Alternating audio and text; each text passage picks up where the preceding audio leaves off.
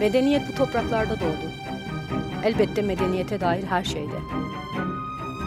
Casuslar ve casusluk gibi.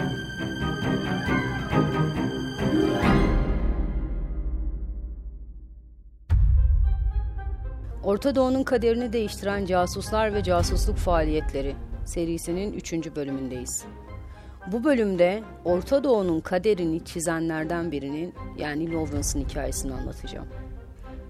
Thomas Edward Lawrence ya da diğer adıyla Arabistanlı Lawrence ya da diğer adıyla Arabistanlı Lawrence 16 Ağustos 1888'de İngiltere'de doğdu.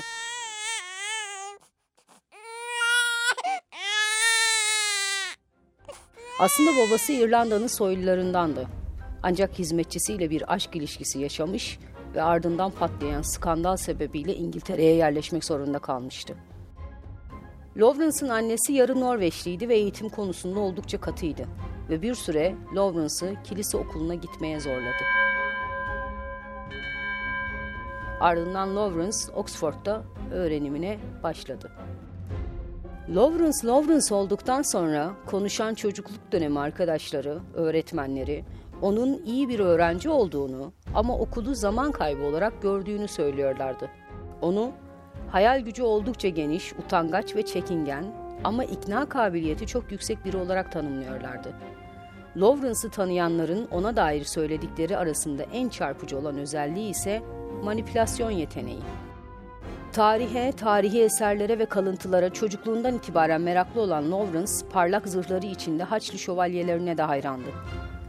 Üniversitede tarih okumak istiyordu ancak gayrimeşru bir çocuktu. Ve o dönem İngiltere'sinde gayrimeşru çocuklara doğum belgesi almak oldukça zordu. Lawrence 17 yaşındayken üniversiteye giremeyince evden kaçtı ve orduya katıldı. Ancak kısa bir süre içinde ordunun ona göre olmadığını anlayıp evine geri döndü. Babasının yardımıyla doğum belgesi krizini çözüp nihayet çok istediği üniversite öğrenimine başladı. Ancak onun gizemlerle, şifrelerle, parlak zırhlarla, efsanelerle, hikayelerle örülü tarih merakı ile üniversitedeki tarih öğrenimi pek örtüşmüyordu. Bu nedenle zaman zaman akademisyenlerle sorunlar yaşasa da öğrenimini sürdürdü ancak sürekli bir arayış içindeydi. Henüz öğrenciyken Levant ve Balkan bölgesinde çalışan David Hogarth ile iletişim kurdu. Tarihçi, arkeolog ve yazar olan Hogarth'tan çok etkilenmişti. Hogarth'ın çevresi akademiyle sınırlı değildi. İngiliz hariciyesinde de çok iyi bağlantıları vardı. Lawrence bitirme tezi için Suriye'ye gitmeye karar verdi. 1909 yılında Suriye'yi yürüyerek gezecek, kendi kalelerini, hikayelerini, şövalyelerinin izlerini bulacaktı. Lawrence'ın doğu ile kesişen yolları ölümüne kadar ayrılmayacaktı. Lawrence bir seyahat rotası belirlemişti. Rota, Osmanlı Devleti ile Almanya'nın birlikte inşa ettiği Bağdat Demiryolları hattına neredeyse paraleldi. Masalsı tarih tasavvurları ile yola çıkan Lawrence'ın yürüdüğü güzergahlar birçok ülke arasında kıyasıya mücadelenin sahalarıydı. İngiliz istihbaratı özellikle Bağdat Demiryolu hattını sürekli gözetliyordu. Çünkü hat İstanbul'u Bağdat'a bağlıyordu. Bu da İstanbul'daki imparatorluk merkezinin askeri, ticari, siyasi her açıdan Bağdat'taki nüfuzunu koruması hatta derinleştirmesi demekti. O dönemde Bağdat ve Irak coğrafyası hala Osmanlı'nın elinde olsa da İstanbul'a çok uzaktı ve çıkarılan bir kanunun Bağdat'ta uygulanması aylar alabiliyordu. En büyük sorun da kaynamaya başlayan coğrafyaya asker, silah, yiyecek göndermekti. Üstelik bu demiryolu hattı İngilizlerin bölgedeki ölümcül rakiplerinden Almanya'nın Basra körfezine kadar açılmasını sağlıyordu. Ayrıca Almanya bu sayede petrol zengini topraklarda üstlenebiliyordu. Bu arada İngiltere'den yola çıkan Lawrence önce Mısır'a oradan Beyrut'a gitti.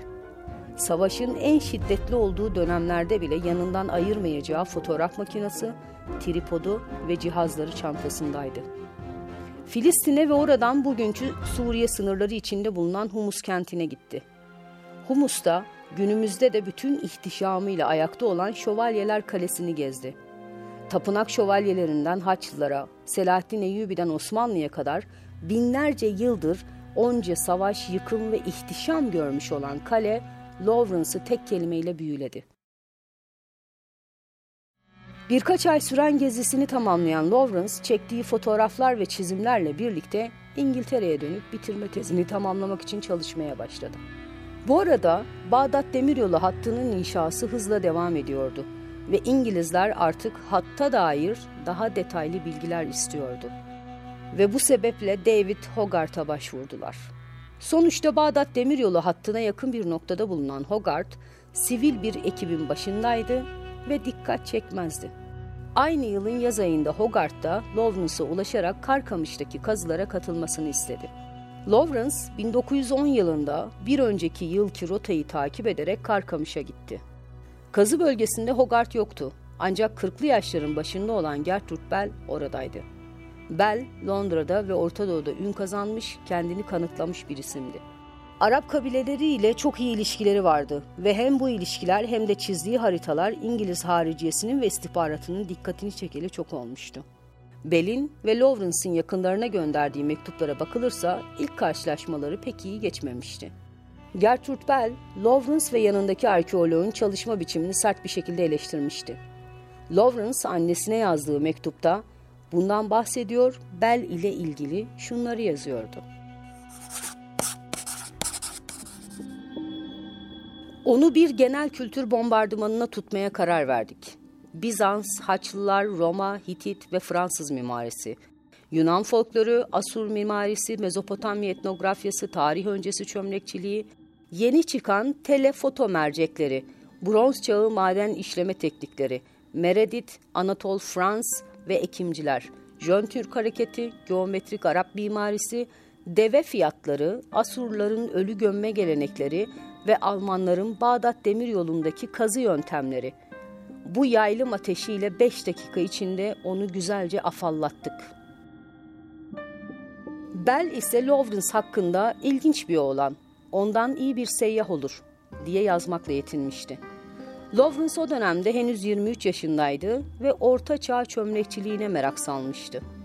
Kimileri Lawrence'ın İngiliz istihbaratı tarafından en başından beri Orta Doğu'da çalışmak üzere görevlendirildiğini söylüyor. Ancak bunun tersini savunanlar da var. Lawrence'a dair bir belgeselde Oxford Tarih Bölümü hocalarından biri çok iyi bir arkeolog olabilirdi. Ama savaş zamanıydı ve Dışişleri Bakanlığı ile istihbarat tarafından görevlendirildiğinde bunu kabul etmek zorundaydı, diyor. Yine de bölgedeki ilk yıllarında sadece arkeoloji ile ilgilenen Lawrence, yerel işçilerle iletişim kurmak için Arapça öğrendi. Yıllar içinde farklı şive ve lehçeleriyle Arapçayı mükemmel konuşmaya başladı. İstanbul'u Bağdat'a bağlayan hatta bir de Mekke ve Medine'ye kadar uzanan Hicaz demiryolları hattı eklenmişti. İngilizler, Fransızlar, İtalyanlar ve Osmanlı karşıtı Araplar için Hicaz demiryolları hattı Bağdat hattından daha tehlikeliydi. Sonuçta henüz Birinci Dünya Savaşı patlamamıştı. Ancak savaşın ayak sesleri duyuluyordu. Zaten Osmanlı Devleti ve Almanya tam da bu sebepten dolayı yeni bir hat inşasına girişmişti. Hicaz Demiryolları hattının inşasından sorumlu Alman Auler Paşa, hattın önemine dair şunları yazmıştı. Osmanlı İmparatorluğu'nun güney vilayetlerinin çok uzak mesafelerde bulunmaları şimdiye kadar orada söz sahibi olmanın karşısındaki en büyük engeldi. Lawrence da bir taraftan kazılara devam ediyor, diğer taraftan hattı yakından izliyordu. Bugün Bağdat ve Hicaz demiryolları hattına ilişkin belgeler arasında Lawrence'ın çektiği fotoğraflar ve aldığı notlar da var. Ancak İngilizlerin üzerinde çalıştığı tek konu demiryolu hattı değildi elbette. Detaylı haritalara da ihtiyaçları vardı. Lawrence ile birlikte o bölgede uzunca bir süredir bulunan arkeologların bir kısmı Kahire'ye çağrıldı. Görünüşte sivil amaçlarla toplanmış bir ofis olsa da hem Mısır'da hem de bölgede Osmanlı Devleti'ni şüphelendirmeden çalışmak çok zordu.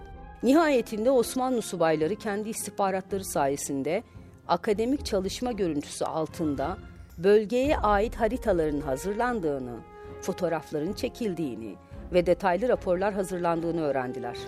Lawrence dahil ekibin birkaç üyesi evlerine yani İngiltere'ye gönderildi ve bu çalışmalara dair raporları tamamlamaları istendi. Lawrence İngiltere'ye döndükten sonra bir taraftan raporunu hazırladı, diğer taraftan orduya katılmak için tanıdıklarını devreye sokmaya çalıştı. Birkaç girişimden sonra orduya değilse de bölgedeki İngiliz istihbaratına katılmayı başardı. Nihayet yıl 1914'tü ve Osmanlı Devleti'ne İngiltere resmen savaş açtı. Osmanlı Devleti yüzyılın başından beri devam eden siyasi istikrarsızlıklar, ard arda gelen savaşlar ve kötü ekonomi politikaları bütçenin boşalmasına sebep olmuştu. Yüzyılın başından beri devam eden siyasi istikrarsızlıklar, ard arda gelen savaşlar ve kötü ekonomi politikaları Osmanlı Devleti'nin bütçesinin boşalmasına sebep olmuştu. Kısacası Osmanlı Devleti giderek zayıflıyordu ve İngilizler Osmanlı Devleti'ni bölgeden tamamen atmak için yerel aşiretleri örgütlemeye çoktan başlamıştı. Zaten Osmanlı Devleti'nden haz etmeyen bazı Arap aşiretler ve kabileler İngilizlerle işbirliğine başlamıştı ve İngiltere bu çalışmalara hatırı sayılır bütçeler aktarıyordu.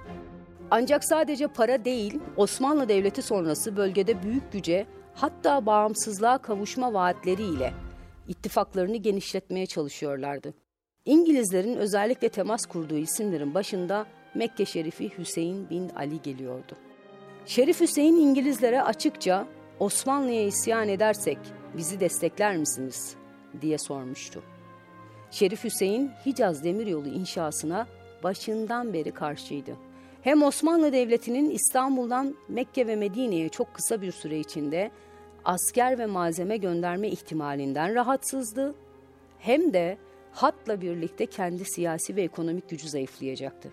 Yüzlerce yıldır dünyanın farklı yerlerinden hacılar hac vazifesi için kutsal topraklara kervanlarla gidiyordu. Bu da kervan ve deve sürüsü sahipleri açısından büyük bir ekonomik gelir demekti. Ayrıca kervanların rotası boyunca hacılara hizmet vererek para kazanan küçük işletmeler, lokantalar, hanlar işsiz kalabilirdi. Osmanlı subayları bu korkunun yersiz olduğunu anlatmaya çalıştılar ancak Mekke Şerifi şiddetle hatta karşı çıkmaya devam etti. Nihayet orta yolu buldular.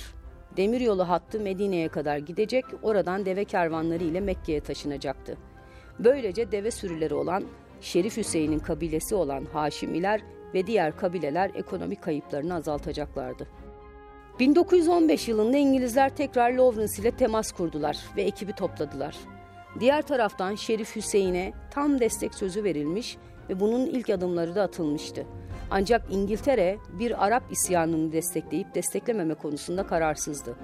Çünkü Osmanlı Devleti bölgeden tamamen çıkarıldıktan sonra Arapların birleşerek bir devlet kurması ihtimalinden tedirgindiler. Lawrence ve Haggard'a göre Arapların böyle bir niyeti yoktu. 1916 yılına gelindiğinde çekişmeler kıran kırana bir savaşa dönüşmüştü.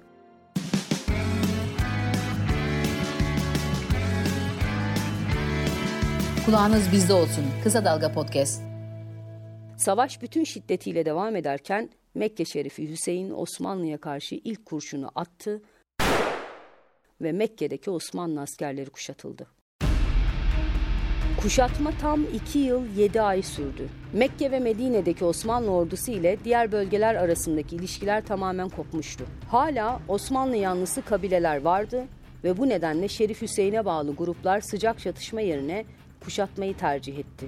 İngilizler ise Müslümanlar için kutsal olan topraklara asker sokmanın infial yaratacağını düşündükleri için geride durdular.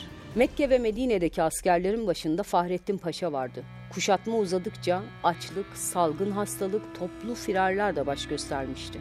Nihayet iki yıl yedi ayın ardından padişahın ikna etmesiyle müdafaya son veren Fahrettin Paşa İngilizler tarafından tutuklandı ve sürgüne gönderildi. Daha sonra milli mücadeleye katılan Fahrettin Paşa'yı Lawrence'ın övdüğü ve ona çöl kaplanı dediği bazı kaynaklarda yer alıyor. Ancak Mekke ve Medine kuşatma altında etkisiz hale getirilse de bölge çok büyüktü ve Yemen'den Filistin'e ve Irak'a kadar birçok yer hala Osmanlı ordusunun elindeydi.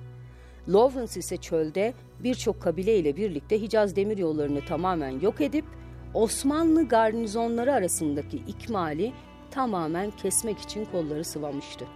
İngiltere Mekke Şerifi Hüseyin'e 70 bin sterlinlik altın göndermişti ve dağınık durumdaki Arap kabileleri birleştirmeye çalışıyordu. Bu arada Lawrence Arap kabilelerle birlikte Osmanlı ordusu için hayati önemdeki telgraf hatlarını kesiyordu. Bir hat tamir edilmeden diğerine geçiyordu. Yine Hicaz Demiryolu boyunca bazı istasyonlarda rayların altlarına mayınlar yerleştiriliyordu.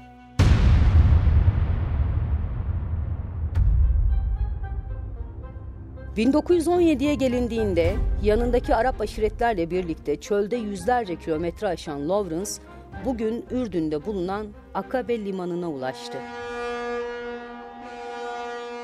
Lawrence yanındakilerle Şam'a doğru ilerlerken Kahire'den yiyecek, para, silah ve hava desteği almak daha da zorlaşıyordu. Yine Şam'a doğru çekilen Osmanlı ordusu hala buralarda güçlüydü. Çölde Hicaz demir yollarına yönelik saldırılar başarılı olurken Ürdün'den itibaren kurulan pusuların çoğu Osmanlı ordusu tarafından keşfedilip engelleniyordu. Ve bütün bunlar olurken Lawrence hem fiziksel hem de psikolojik tükenmenin eşiğindeydi. Savaş uzadıkça Lawrence'ın yanındaki Arap kabileler arasındaki husumetler ve huzursuzluklar artıyordu. Ayrıca firarlar da başlamıştı. Bu arada Rusya'da Bolşevik ihtilali gerçekleşti ve devrimciler Sykes-Picot anlaşmasını bütün dünyaya duyurdular. Anlaşma İngiltere, Fransa ve Rusya gibi ülkeler arasında gizli olarak yapılmıştı ve bölge büyük ölçüde İngiltere, Fransa, İtalya, Rusya arasında bölüşülmüştü. Anlaşmanın duyurulması ile birlikte kendisine büyük Arap devleti kurma sözü verilen Mekke Şerifi Hüseyin İngilizlerin niyetini sorgulamaya başladı. İngilizler Mekke Şerifi Hüseyin'e Bolşeviklerin yayınladığı şey bir taslak, asla gerçekleşmedi ve gerçekleşmeyecek dediler. Ancak bu kriz henüz atlatılmamışken meşhur Balfour Deklarasyonu duyuruldu. Her milletin kendi kaderini tayin hakkı olduğu belirtilen deklarasyonun ardından Filistin'e yönelik Yahudi göçü sele döndü. Şerif Hüseyin ve Araplar bir kez daha tedirgindiler. Çünkü İngilizlerle yaptıkları görüşmelerde bunlardan hiç bahsedilmemişti. 1918'de İngilizler fiilen Kudüs'e girdikten kısa bir süre sonra Lawrence da Kudüs'e gitti. Orada Amerikalı gazeteci Lowell Thomas ile tanıştırıldı. Ve birkaç yıl içinde Thomas, Lawrence'ın dünya çapında tanınmasını sağlayacak ve hayatını büyük ölçüde değiştirecekti. Bu arada Arapların tedirginlikleri giderek artıyordu ve Osmanlı Devleti ile yeniden temas kurdular. Lawrence ve İngilizler bunu öğrenmişti ve İngilizler Arapları rahatlatan açıklamayı yaptılar. Araplar tarafından kurtarılan bölgelerin egemenliği tanınacak. Böylece Araplar Sykes-Picot anlaşmasının tamamen geçersiz olduğunu emin oldular ancak yanıldıklarını kısa bir süre sonra anlayacaklardı. Lawrence ile İngiltere arasındaki ilk çatlaklar da belirginleşmeye başladı. Lawrence bir demecinde şöyle demişti. Arapları bir yalan uğruna savaşmaları için çağırıyoruz ve ben buna dayanamıyorum. Elbette Şam herkes için çok önemliydi. İngilizler, Fransızlar ve Lawrence ile birlikte Arap kabileler farklı kollardan Şam'a ilerliyordu. İngilizler Fransızlardan önce şehre girmeye çalışıyordu. Lawrence ise İngilizlerden önce Mekke emirinin güçleriyle şehri almaya çalışıyordu. Sonuçta Balfour Deklarasyonu'na göre şehir eğer Araplar tarafından alınırsa Arapların egemenliği tanınacaktı. Taraflar yarışırken küçük bir Arap kuvvet şehre girmişti ve kuvvetin başındaki isim kendini vali ilan etmişti. Şehirde günler süren bir kıyım yaşandı. Lawrence şehre girdiğinde sokaklarda Osmanlı esirlerinin cesetleri, yıkılmış binalar, yağmalanmış çarşılar vardı. Ancak daha sonra İngiliz güçlerin komutanı Allenby, Lawrence ile Mekke Şerifi'nin üçüncü oğlu Faysal'ı yanına çağırdı. Şam'ın ve Lübnan'ın Fransızların kontrolünde kalacağını söyledi. Lawrence büyük bir hayal kırıklığı ve öfkeyle İngiltere'ye döndü. Orta Doğu ve Arap dünyası uzmanıydı artık. Hükümete yakın çalışması istendi. Kral tarafından, İngiltere kralı tarafından kabul edildi, rütbeler teklif edildi. Ancak Lawrence birçoğunu reddetti. İngiltere kralıyla özel görüşmesinde Mekke Şerifi Hüseyin'in oğlu Faysal'ın Paris Barış Konferansı'na katılmasını istedi. Ve İngilizler Lawrence'ın bu isteğini kabul ettiler. Diğer taraftan Irak'ta bulunan Gertrud da bunun için çok çaba sarf ediyordu. Faysal, Paris Barış Konferansı öncesinde Reuters'a verdiği demeçte Yahudilerle Araplar arasında her iki ulusun da çıkarı gözetilerek ilişkiler kurulabileceği ümidinde olduğunu söyledi. Aslında İngilizler dışında Arapların ve Yahudilerin önemli bir kısmı bu konuda pek emin değillerdi. Bu arada Suriye'nin bağımsızlığı ve Faysal'ın krallığına bağlanması konusunda İngilizler hiç istekli değildi. Faysal konferans devam ederken bir Fransız gazetesine verdiği röportajda bir Yahudi devletini kesinlikle reddettiğini söylüyordu. Diplomatik pazarlıklar sürerken Fransa Başbakanı George Clemenceau Faysal'a Suriye'de sınırlı bir varlık sözü verdi. Faysal bunu kabul edecekken Lawrence devreye girdi ve biraz daha beklemesini söyledi. Ancak pazarlıkları kızıştırması düşünülen bu taktik işe yaramadı ve Faysal konferanstan eli boş Irak'a döndü. Faysal yani Mekke Şerifi Hüseyin'in üçüncü oğlu daha sonra Gertrude Bell ve İngiltere'nin desteğiyle Irak kralı olacaktı. Konferanstan sonra Lawrence geride bıraktığı eşyalarını ve evraklarını almak için Kahire'ye döndü. Yıl 1919'du. Lawrence'ın yıllar önce Kudüs'te tanıştığı Amerikalı gazeteci Lowell Thomas, Lawrence ile ilgili bir hikaye yazmıştı. Hikaye Amerika'da ve İngiltere'de büyük ses getirmiş ve Lawrence bir kahramana dönüşmüştü. Filmi de çekilen hikaye ile birlikte Lawrence artık dünya çapında tanınıyordu. Ancak Thomas'ın makalelerinde Lawrence'a ve yaptıklarına dair oldukça abartılı bölümler ve açıkça yanlış bilgiler de vardı. Lawrence bunlara itiraz etmedi, düzeltilmesini istemedi. Böyle bir talebi olduysa da arşivlere girmedi. Thomas Lawrence'ı Arabistan'ın taçsız kralı ya da Mekke prensi gibi ifadelerle tanımlıyordu. Lawrence bu ününün kendisine siyasi bir gelecek getirebileceğini fark edip kendi hikayesini kaleme almaya karar verdi.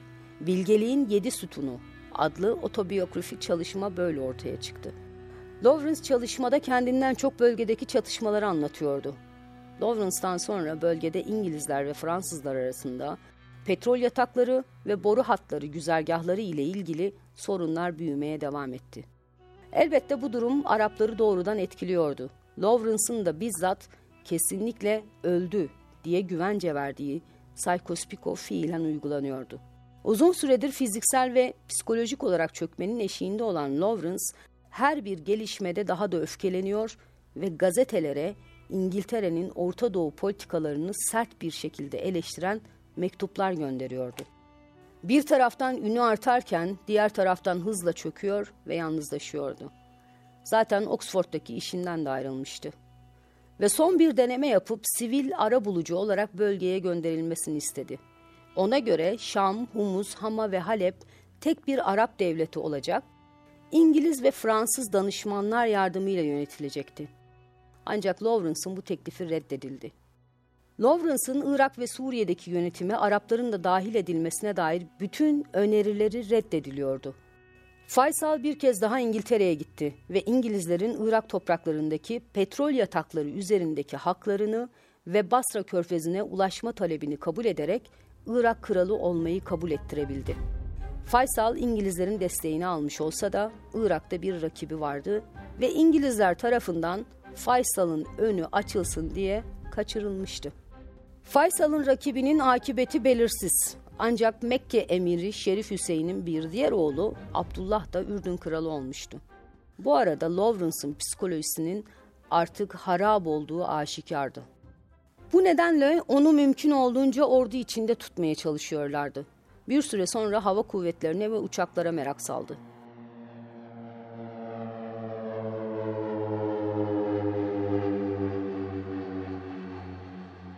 Öfkelendiğinde intihar tehditleri savuracak kadar kendini kaybedebiliyordu. Bu nedenle çevresindekiler intihar dahil her şeyi yapabileceğinden korkuyordu. 1926'da nihayet Bilgeliğin Yedi Sütunu adlı eserini bitirdi. Ardından hava kuvvetleri ile birlikte Afganistan'a gitti. Bir İngiliz gazetesi Lawrence'ın Afganlar arasında ajanlık yapmak için gönderildiğini yazdı. Bu haberle birlikte Lawrence'ın orada çıkardığı sorunlar ve itaatsizlikler birleşince Lawrence'ı İngiltere'ye geri göndermeye karar verdiler. Yine de Lawrence 1935'e kadar hava kuvvetlerinde kaldı. Bunların dışında motosikletiyle hız yapmayı çok seviyordu. Ölümü de bu tutkusundan oldu. Hava kuvvetlerinden ayrıldıktan hemen sonra İngiliz hükümeti bazı sivil pozisyonları teklif etti. Ancak Lawrence bunları da reddetti ve Londra kırsalında bir kır evine yerleşti. 13 Mayıs 1935'te motosikletiyle kaza yaptı ve hayatını kaybetti. Resmi kayıtlarda motosikletiyle hız yaparken yoldaki çocuklara çarpmamak üzere manevra yaptığı için öldüğü belirtiliyor. Ancak bu hikayenin doğru olmadığı ve Lawrence'ın hızla bir ağaca çarparak intihar ettiğini iddia edenler de var. Lawrence'a dair yazılanların ne kadarı doğru ne kadarı abartı bilinmez ancak bölgenin kaderini şekillendiren isimlerden biri olduğu kesin.